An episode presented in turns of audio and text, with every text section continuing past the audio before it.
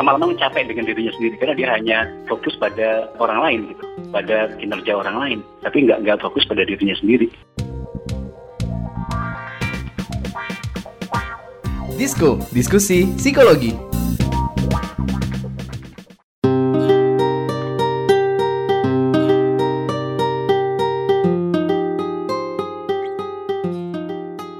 Halo Warriors, selamat datang kembali di podcast Disco, diskusi psikologi persembahan kantor berita Radio KBR bersama komunitas Into the Light Indonesia. Hapus stigma, peduli sesama, sayangi jiwa. Apa kabarnya Warriors? Balik lagi bareng gue Bijar dan Don pastinya disokin.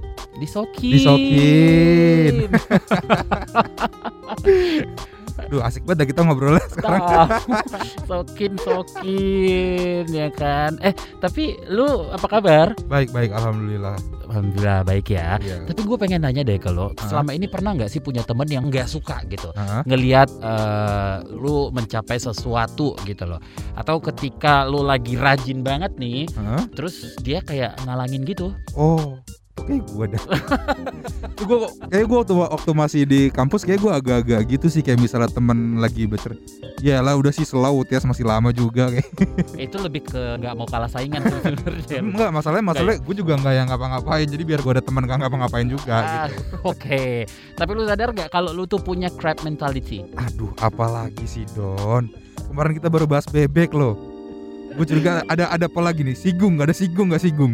tunggu aja makanya lu harus dengerin yang namanya disco Nggak, tapi- psikologi Tapi menarik nih. Emang apa crab, crab mentality apa Don? Gue gue juga baru denger nih. Nah, daripada gua mencapit lo lagi dengan istilah-istilah baru lagi, gua bakal eh, ngajak ngobrol ya di episode podcast kali ini kita bakal ngebahas tentang crab mentality dan kita sudah kedatangan Kak Supriyanto SPSI MSI selaku dosen prodi Psikologi Universitas Pembangunan Jaya. Halo Kak Supri, apa kabar? Halo, Mas John, Mas Binsar. Kabar saya sehat dan baik, Mas. Alhamdulillah. Hari ini. Alhamdulillah. Ya. Nah nih Kak Supri, tadi kan Don bilang kayak lu kayaknya punya crab mentality sih Dejar kayak. Sebenarnya apa sih crab crab mentality ini dan apa hubungannya sama kepiting gitu? Kepiting kan nggak salah Oh. apa-apa gitu loh. Ya. Jadi crab mentality ini sebenarnya sih analogi sih, Mas. Analogi dari sebuah tingkah laku seseorang yang suka menjatuhkan orang lain. Nggak mau melihat orang lain sukses. Kurang lebih seperti itu, Mas. Jadi dia iri, dia jealous, dia berusaha menghambat keberhasilan atau kesuksesan orang lain. Jadi ini analogi dari sebuah apa sebuah kepiting gitu ya, yang sekelompok kepiting yang ditaruh di dalam sebuah ember misalnya. Jadi kalau ada sekumpulan kepiting kan mereka mau keluar dari ember atau naik gitu ya dari lingkungan yang terbatas. Jadi ketika satu kepiting mau naik, kepiting yang lain tuh mencoba menghambatnya. Kepiting yang lain mencoba menjatuhkannya agar dia tidak keluar dari embernya. Jadi itu analogi mentalitas kepiting, crab mentality gitu ya. Jadi orang-orang yang suka menjatuhkan teman-temannya yang sukses. Orang yang tidak mau melihat koleganya berhasil. Intinya seperti itu, Mas. Oke, menarik ya berarti analoginya. ya. Baru baru tadi begitu Kak Pri ngejelasinnya gue lagi ngebayangin kepiting dalam satu ember gitu. Aha. Emang iya gitu.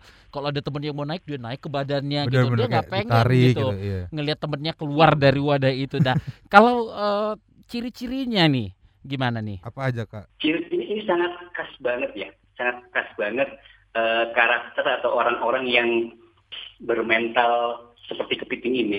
Intinya mereka ini uh, egocentrism gitu ya, egocentrism, selfish, eh, hanya memandang semuanya berdasarkan sudut pandang dia, egois, selfish seperti itu. Jadi eh, kemudian juga berpikiran sempit misalnya orangnya. Jadi dia tidak mengakui orang lain, tidak mengakui fakta, data, gitu ya, atau yang objektif, dia enggak. Dia hanya eh, melihat peristiwa, fakta berdasarkan sudut pandang dia. Itu, itu salah satu cirinya. Kemudian juga suka menyalahkan orang lain, blame to others, gitu ya. Jadi kalau ada eh, apa kegagalan, ada ketidakberhasilan, dia nggak mau disalahkan. Dia justru lebih eh, menyudutkan orang lain dan menganggap rekan kerja, koleganya, timnya itu sebagai kompetitor, bukan sebagai kolaborator. Jadi dia mempunyai rasa berkompetisi persaingan yang kuat. Jadi dia menganggap kolega teman kerja sebagai pesaing, di mana teman kerja dianggap mengancam dia. Jadi itu satunya. Kemudian uh, dia juga sulit bekerjasama dengan orang lain, gitu ya. Karena dia hanya berpikiran uh, semuanya berdasarkan sudut pandang dia. Jadi dia susah untuk mendukung orang lain, susah untuk berkolaborasi dengan orang lain, susah untuk mendukung orang lain, mensupport gitu ya. Dan juga uh, biasanya tidak fokus pada dirinya sendiri, tidak fokus pada goalsnya, tidak fokus pada objektifnya. Dia lebih mengkhawatirkan outcome atau output dari pekerjaan orang lain, performance orang lain. Jadi dia nggak nggak terlalu fokus pada performance dia, gitu ya. Dan dia juga menolak bahwa dirinya berperilaku seperti itu. Jadi kalau ada misalnya orangnya uh, mencoba memberitahu, menyadarkan dia denial dulu. Karena dia juga nggak mau melihat orang berkembang gitu, atau organisasinya berkembang gitu. Ah. Jadi dia cenderung bagaimana dia bisa survive gitu ya. Survive bagaimana dia bisa bertahan lanjut di pekerjaannya atau di organisasinya uh, tanpa memperdulikan keberhasilan kesuksesan teman-temannya.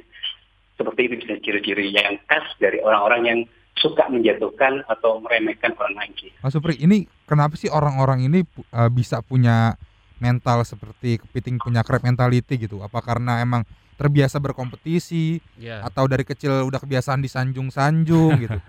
Atau waktu kesandung meja yang disalahin mejanya kan? itu kira-kira kenapa tuh Mas Supri?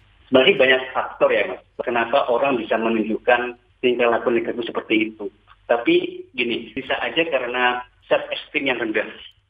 Harga diri yang rendah. Jadi dia nggak bisa menghargai diri sendiri, nggak bisa respect terhadap dirinya sendiri. Akhirnya dia juga nggak bisa menghargai orang lain. Jadi bagaimana kita bisa menghargai orang lain, respect dan empati kepada orang lain kalau kita nggak bisa menghargai diri kita sendiri, gitu kan. Kemudian juga kepercayaan diri, self confident itu juga rendah. Jadi selain harga diri harga diri rendah, kemudian juga kepercayaan diri yang rendah juga. Nggak percaya diri bahwa dirinya bisa, nggak percaya diri bahwa eh, dirinya mampu melakukan sesuatu yang sama dengan teman-temannya, dengan koleganya, atau dengan eh, bawahannya misalnya kalau dia sebagai supervisor, gitu. Jadi dia nggak nggak mempercayai apa pun yang ada dalam dirinya, kompetensinya, kemampuannya, gitu ya. Kemudian juga tadi sifat kompetitif gitu ya, persaingan yang nggak realistis, yang membabi buta. Jadi karena dia menganggap eh, orang lain sebagai kompetitor, maka dia juga mencoba menjatuhkan orang lain yang membuat keberhasilan daripada dia, yang melebihi dia. Gitu. Jadi intinya gini intinya itu orang melakukan sikap seperti ini itu karena berusaha untuk survive, gitu ya, berusaha untuk bertahan di lingkungannya. Ini sebenarnya analogi dari kepiting juga. Kepiting itu kan dia hidupnya berdekatan gitu ya, mempunyai attachment dengan uh, teman-temannya. Agar apa? Agar agar agar apa? Agar dia survive. Misalnya ketika dia di pantai gitu ya, kena ombak, kena badai, dia bisa apa? Berpegangan dengan uh, teman-temannya. Hmm, Gitu ya. Iya. Dia punya acuan, patokan teman-temannya. Nah, eh, di manusia seperti itu juga. Jadi dia melakukan tinggal sendiri agar sebenarnya ada, ada survei gitu loh. Agar dia tidak dipecat misalnya dari dari eh, pekerjaannya, agar dia misalnya dianggap baik sama atasannya. Agar dia bisa terus apa bekerja di organisasinya. Jadi intinya untuk survive sebenarnya. Cuman caranya memang salah. Gitu ya. Hmm. Caranya dengan cara menjatuhkan orang lain gitu. Batasannya disebut seorang itu sudah bermental eh, kepiting gitu loh. Ah. Karena sepertinya ya kalau dari penjelasan em, Kapri tadi sebenarnya sah-sah aja dong ya kita itu punya rasa bersaing Benar, benar, benar. gitu loh Kapri. Mm. Sebenarnya gini, ini kan crab mentality ini konteksnya bisa di mana aja gitu ya. Bisa di sekolah gitu ya yang dilakukan oleh teman, oleh sahabat, bisa oh, bahkan oleh gurunya misalnya atau di keluarga gitu ya. Saudara, tetangga, keluarga besar itu juga seperti itu. Bisa juga misalnya di lingkungan pekerjaan yang umum gitu ya, oleh kolega, oleh bawahan, oleh atasan gitu. Tapi gini, orang yang memiliki mentalitas seperti ini itu bisa menunjukkan pola tingkah laku yang sama gitu ya. Ketika dia berada dalam situasi yang sama. Atau ketika dia merespon situasi yang sama. Dia punya, punya pola kecenderungan yang sama tingkah lakunya. Gitu ya. Jadi ketika ada orang yang sukses berhasil dia tidak ikut senang. Gitu ya. dia tidak ikut eh, mendukung. Dia justru ingin eh, menghambat. Dia menghambat keberhasilan. Dia menghambat kemajuan. Gitu. Karena apa? Karena eh, kalau orang lain maju, kalau orang yang berhasil, dirinya enggak, enggak ikut-ikutan eh, dianggap sebagai berhasil. Prinsipnya gini, kalau eh, saya tidak berhasil, kalau saya tidak sukses, ya mending kalian juga tidak sukses juga. Seperti itu. Jadi menunjukkan pola-pola tingkah laku yang cenderung sama, respon yang sama dalam situasi yang yang sama. Itu. Dan orang ini nggak bisa bertingkah laku yang support kepada timnya atau objektif. Biasanya, gini, kalau dalam dunia atletik ya atau dunia olahraga, kalau lawannya itu berhasil mengalahkan dia, dia memberikan selamat, dia menghargai, dia respect. Nah ini enggak, enggak seperti itu. Kalau ada temennya berhasil, temennya itu mencapai target, dia nggak memberikan selamat, dia nggak memberikan dukungan, dia nggak menunjukkan apresiasi, enggak. Justru malah mencoba menjelek-jelekan, justru malah mencoba menurunkan targetnya. Jadi polanya seperti itu. Tapi Mas Pri, ada nggak sih dampak untuk orang-orang yang punya crab mentality ini? Apakah mereka jadi apa ya? Ya jadi nggak nggak terbiasa bersaing secara sehat aja gitu. Iya. Iya. Iya, iya, iya. Nggak bisa bersaing secara sehat. Ini seperti itu. Jadi dia juga bisa nggak nggak bisa memberikan respect terhadap keberhasilan atau kesuksesan orang lain. Dampaknya sih ya bisa kepada dampaknya kepada orang itu sendiri ya. Sebenarnya cukup luas dampaknya. Bisa ke dampak dampaknya kepada orang tersebut ya. Bisa juga ke temannya yang jadi sasaran atau juga ke organisasinya. Misalnya organisasi kan susah untuk maju berkembang karena dia tuh mencoba mengerem gitu loh. Kita sudah mau mencapai tingkat lima misalnya, dia mencoba mengeremnya, menghambatnya. Udah di tingkat dua aja deh, tingkat tiga aja gitu. Kalau atau kalau saya nggak usah bergerak, kalau dia nggak nggak ikut ikutan, kalau dia nggak disertakan. Jadi bagi organisasi dampaknya tentu aja bisa mengganggu apa kinerja ya. Kemudian bagi kelompok juga kayak gitu. Jadi nggak solid kelompoknya kan. Kinerja jadi terhambat. Kemudian kalau bagi dirinya sendiri ya tentu aja dia tidak tidak bisa berkembang. Dia tidak bisa menjalin hubungan yang positif dengan orang lain. Performa dia juga nggak- berkembang. Gitu. Hmm. Jadi memang dampaknya sih banyak bagi kelompok, bagi individu, bagi rekan kerja yang lain, gitu. Dampak negatifnya, nggak ada dampak positifnya orang-orang seperti ini. Nggak ada positifnya Gitu. sama sekali ya. Kapri ya. Oke, seru banget obrolan kita. Tapi sebelum berlanjut, kita break dulu ya Kapri ya. Jangan ke mana-mana. Disko, diskusi psikologi. Oke Google, cariin apa yang lagi trending sekarang dong. Yang lagi viral, yang lagi hits. Aduh kamu ini tahunya cuma nyur doang. Lah, dia nolak. Aku bilangin Siri nih. Ya sudah-sudah jangan ngambek dong. Kamu cukup buka KBR Prime titik ide, lalu cari what's trending. Semua dibahas tuntas dengan narasumber yang kredibel, jadi bisa buat referensi kamu. Wah iya nih, keren banget ya. Setiap hari lagi. Betul, dari Senin sampai Jumat. Jangan lupa hanya di KBR Prime titik ide atau di aplikasi podcast lainnya. Makasih ya Mbah Google. Hei kamu ini, saya masih gadis, kenapa dipanggil mbah? KBR Prime, podcast for curious mind. Come on yo. Buat yang suka nyebar hoax, you better listen to this one. Check this one out yo. Hati-hati kalau baca kabar hoax. Jangan langsung disebar kabar yang hoax. Kalau mau tahu kabar benar atau hoax, dengerin cek fakta yang pasti bukan hoax. Dengerinnya setiap Senin yang jelas bukan hoax. Cuma ada di kbrprime.id dan aplikasi podcast lainnya. Hoax. Sudah cukup-cukup hoaxnya? Hoax. Cukup. Jaga emosi, tahan jari, verifikasi sebelum dibagi. Saya Ari Bowo Sasmito, Ketua Komite Pemeriksa Fakta Mafindo. KBR Prime, podcast for curious mind. Disko, diskusi psikologi. We are back Warriors, kita lanjutin lagi nih obrolan soal crab mentality bareng gue Bijar dan Don pastinya. Nah, eh, Mas Pri, apakah crab mentality ini bisa menimbulkan efek domino atau nular ke, Nular. ke- ya nular ke orang Hmm. lain gitu, misalnya ke kelompok atau saling menjatuhkan. Kalau kalau misalnya tadi di contoh Mas Pri eh, yang pertanyaan sebelumnya kan kayak efek dari satu orang yang punya crab mentality jadinya kayak menghambat semuanya. Tapi Jadi apakah kehalang iya, ya. tapi apakah crab mentality yang misalnya kita nih, Ya. gue punya crab mentality tapi apakah Don bakal ikut-ikutan oh gini jar cara mainnya gitu Iya, itu gua bakal capit lu gitu. bisa bakal nular nggak sih Mas Pri sepanjang itu seseorang punya karakter yang sama, gitu ya, ciri-ciri yang sama, jadi mereka bisa bekerja secara kelompok, gitu kan.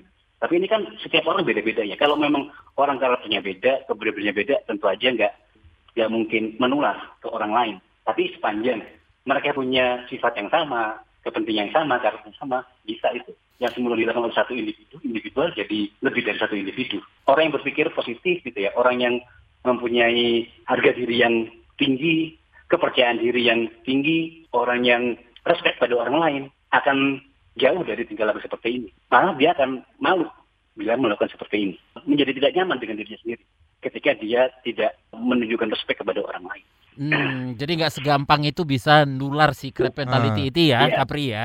Terus gimana nih caranya nih Kapri kalau ngadapin orang yang punya mental seperti ini? Apalagi Apalagi- orangnya iya, nggak iya. sadar ya. Benar, benar, kan. Jar ya. apa eh udahlah gue jatuhin juga lu ntar gitu. Gimana Kapri? Memang ini ya, kalau kita dikelilingi orang-orang seperti itu pasti ini ya, apa hidup kita kayak nggak tenang gitu ya. Walaupun kita udah berusaha berusaha dengan baik, bekerja dengan baik, memenuhi target, tapi tetap aja ada orang-orang yang mencoba memanipulasi, gitu ya. mencoba Hmm. memutarbalikkan fakta. Ya. Tentu aja penanganannya bisa bisa secara sistem gitu ya.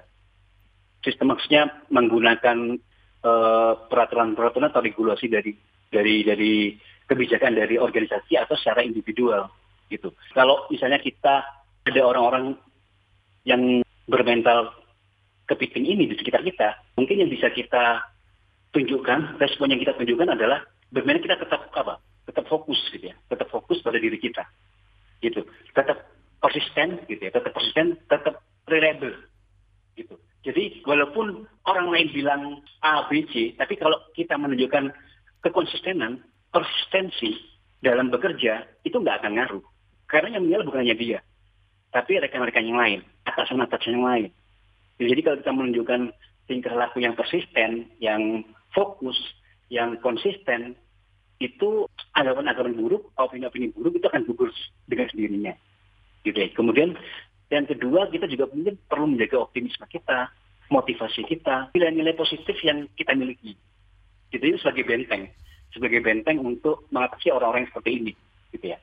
Juga kita bisa juga mencoba mendapatkan feedback dari orang lain. Kita mencoba cari second opinion, entah itu dari sahabat kita, dari tim kerja kita yang lain, dari atasan kita, gitu ya.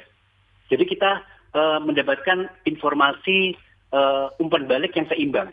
Syukur-syukur kalau kita mendapatkan feedback yang positifnya lebih banyak. Jadi itu akan mempengaruhi eh, posisi kita, akan mempengaruhi penilaian kita terhadap diri kita. Kemudian yang paling penting adalah ya kita menghindar. Kalau kita nggak bisa mengatasi dia, kita menghindar aja. Kita mencoba menjauh dari orang seperti ini karena nggak ada gunanya. Iya, sama halnya kalau kita menghindari kepiting di laut gitu ya, Ah, biar iya. gak kena capit gitu ya, Iya, biar, Kapri ya. biar, biar nggak dicapit gitu ya. Ya udah kita menghindar aja jauh-jauh aja lah. Jadi orang daripada mencapit gitu kan. Tapi Jadi kita coba menjauh. Organisasi kita juga bisa bisa mengatasi sebenarnya orang-orang seperti ini, gitu ya. Entah melalui evaluasi, melalui sistem yang transparan, yang akuntabel, sistem yang objektif, melaporkan pada atasan. Sebenarnya sih bisa dilakukan secara organisasi atau secara individual kita bisa eh, mengatasi orang-orang seperti ini, gitu. ketika kita punya mulai punya perasaan iri itu apakah itu harus segera dilenyapkan gitu rasa iri itu karena karena itu kayaknya salah satu dari apa ya salah satu dari Ciri-ciri si crab mentality ini tapi kan kadang-kadang kalau misalnya kita iri sama pencapaian orang kayak kayaknya wah, manusiawi manusiawi aja gitu kan ya Jangan Ya. jangan Ya. iri, jangan jangan iri. nah, itu gimana gitu. mas apakah harus dihilangin gitu Kalau kadang-kadang kalau perasaan iri, cemburu itu kan kadang-kadang bisa jadi ini ya. Bagaimana kita memanfaatkannya Ah. sebenarnya. Oke. Apakah iri dan cemburu kita itu untuk memotivasi diri kita menjadi lebih baik, gitu ya, agar kita berkembang, agar kita bisa mencapai eh, apa yang dilihat oleh teman-teman kita, atau kita memanfaatkan keirian dan kecemburuan kita untuk menjatuhkan orang lain. Kan ininya objektifnya beda ya. Mhm, mhm. Satu untuk membuat kita berkembang, membuat kita tumbuh, membuat kita berhasil. Yang satu untuk menghambat orang lain. Yang satu untuk menggagalkan orang lain. Yang satu untuk tidak mengakui kehebatan orang lain. Beda ya. Jadi kecemburuan dan itu, itu kayak ini sih, tergantung kita tujuan seperti apa. Kalau cemburu, iri, agar kita lebih termotivasi, agar kita bisa uh, lebih berusaha lebih keras, gitu ya. Ya nggak Hmm. apa, nggak masalah, nggak masalah. Jadi ketika kita uh, memanfaatkan itu untuk uh, itu dia tujuan-tujuan negatif yang sengaja ya. Jadi memang uh, trap mentality ini memang sengaja ini apa orang itu memang punya niat gitu ya, punya intensi, tujuan untuk menjatuhkan orang lain. Jadi ada niat memang, ada ada kesengajaan. Apa sih yang harus kita lakukan supaya nggak jadi orang yang punya crab mentality ini?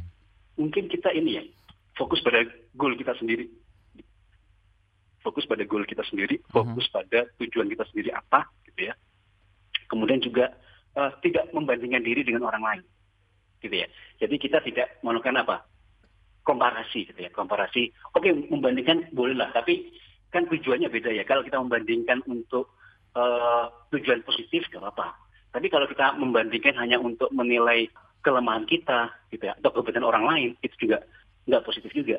Jadi se- sebisa mungkin kita menerima sih, menerima diri kita sendiri, gitu. Apa yang kurang, apa yang lebih, apa yang diperbaiki, itu. Kemudian juga bersyukur dengan kondisi kita, Men- mencoba menerima diri kita sendiri. Kemudian juga berteman dengan orang-orang yang positif juga, gitu ya. Orang-orang yang suportif, orang-orang yang eh, mau mengakui kehebatan orang lain, respect terhadap kebersihan orang lain. Seperti itu sih. Jadi intinya yaitu dia, bagaimana kita tidak tidak apa tidak egois lah, tidak egosentrim lah. Akarnya kan situ sebenarnya. Terpenting bagaimana eh, kita tidak tidak apa tidak mencoba tidak egois itu sih. Artinya kita bisa mempertimbangkan sudut pandang orang lain dalam menilai sesuatu. Berarti seperti itu sih mas. Oke. Jadi- Jadi kalau kita bisa menerima diri kita sendiri, ya konsekuensi kita juga bisa menerima orang lain. Jadi kalau kita sudah menutup diri, gitu ya, tidak mengakui diri kita sendiri, wah itu juga akan susah. Menerima kebaikan orang lain, menerima eh, hal yang positif dari orang lain, Hmm, itu sih. iya kayak kepiting jar, Ah. jalannya nyamping. Bodoh amat ya. Tapi iya sih kayak lu lu ngerasa gak sih kayak orang-orang Eh. yang kayak kayak kepiting gitu kayak justru mereka yang nggak punya tujuan hidup jadi kayak tujuannya tuh masih tujuan orang lain jadi kayak enggak ini gue mau yang ini ya belum punya arahan hidupnya Oh, mau gitu ya? gimana iya Gue taunya kepiting yang udah siap makan. Tapi biasanya orang itu kan capek ya, iya sih lama-lama capek dengan dirinya sendiri karena dia hanya fokus pada eh, orang lain gitu, pada kinerja orang lain, tapi nggak nggak nggak fokus pada dirinya sendiri. Oh, iya iya iya. Oke Warriors, sampai di sini dulu podcast Disco kali ini. Terima kasih buat Kak Supriyanto yang Thank you, sudah Kak Ma- bersedia untuk sharing pengalaman dan pengetahuannya tentang crab mentality ya. Episode kali ini hasil kerjasama bareng Fakultas Psikologi Universitas Pembangunan Jaya. Semoga semua informasi bisa berguna untuk Warriors di luar sana. Dan terima kasih juga buat kamu yang sudah mendownload dan mendengarkan podcast ini. dengan mendengarkan podcast ini semoga kita bisa membantu menghapus stigma di masyarakat lebih peduli terhadap orang-orang di lingkungan sekitar dan pastinya jangan lupa untuk selalu menyayangi jiwa kita sendiri Sampai ketemu lagi di podcast episode selanjutnya. Dengarkan di kbrprime.id atau di platform mendengarkan podcast kesayangan kamu. Gue Don. gue bijar Kami undur diri. Bye-bye. bye bye Disko, diskusi psikologi.